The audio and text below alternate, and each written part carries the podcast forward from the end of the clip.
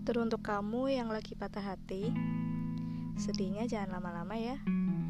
Kasihan diri kamu. Ingatlah bahwa kamu juga berhak bahagia.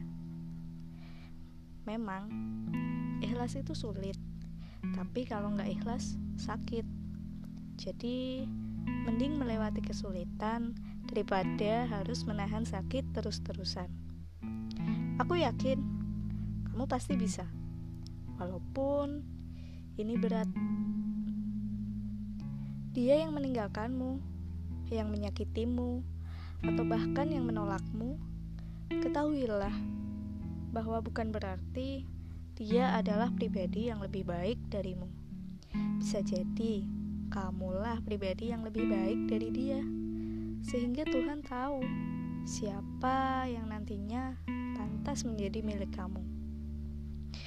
Tenang saja, semua udah ada porsinya masing-masing. Mungkin untuk saat ini Tuhan ingin mengistirahatkan hatimu dari cinta yang salah. Percayalah, Tuhan akan menghadirkan kebahagiaan setelah kesedihan, seperti Ia menghadirkan pelangi setelah hujan.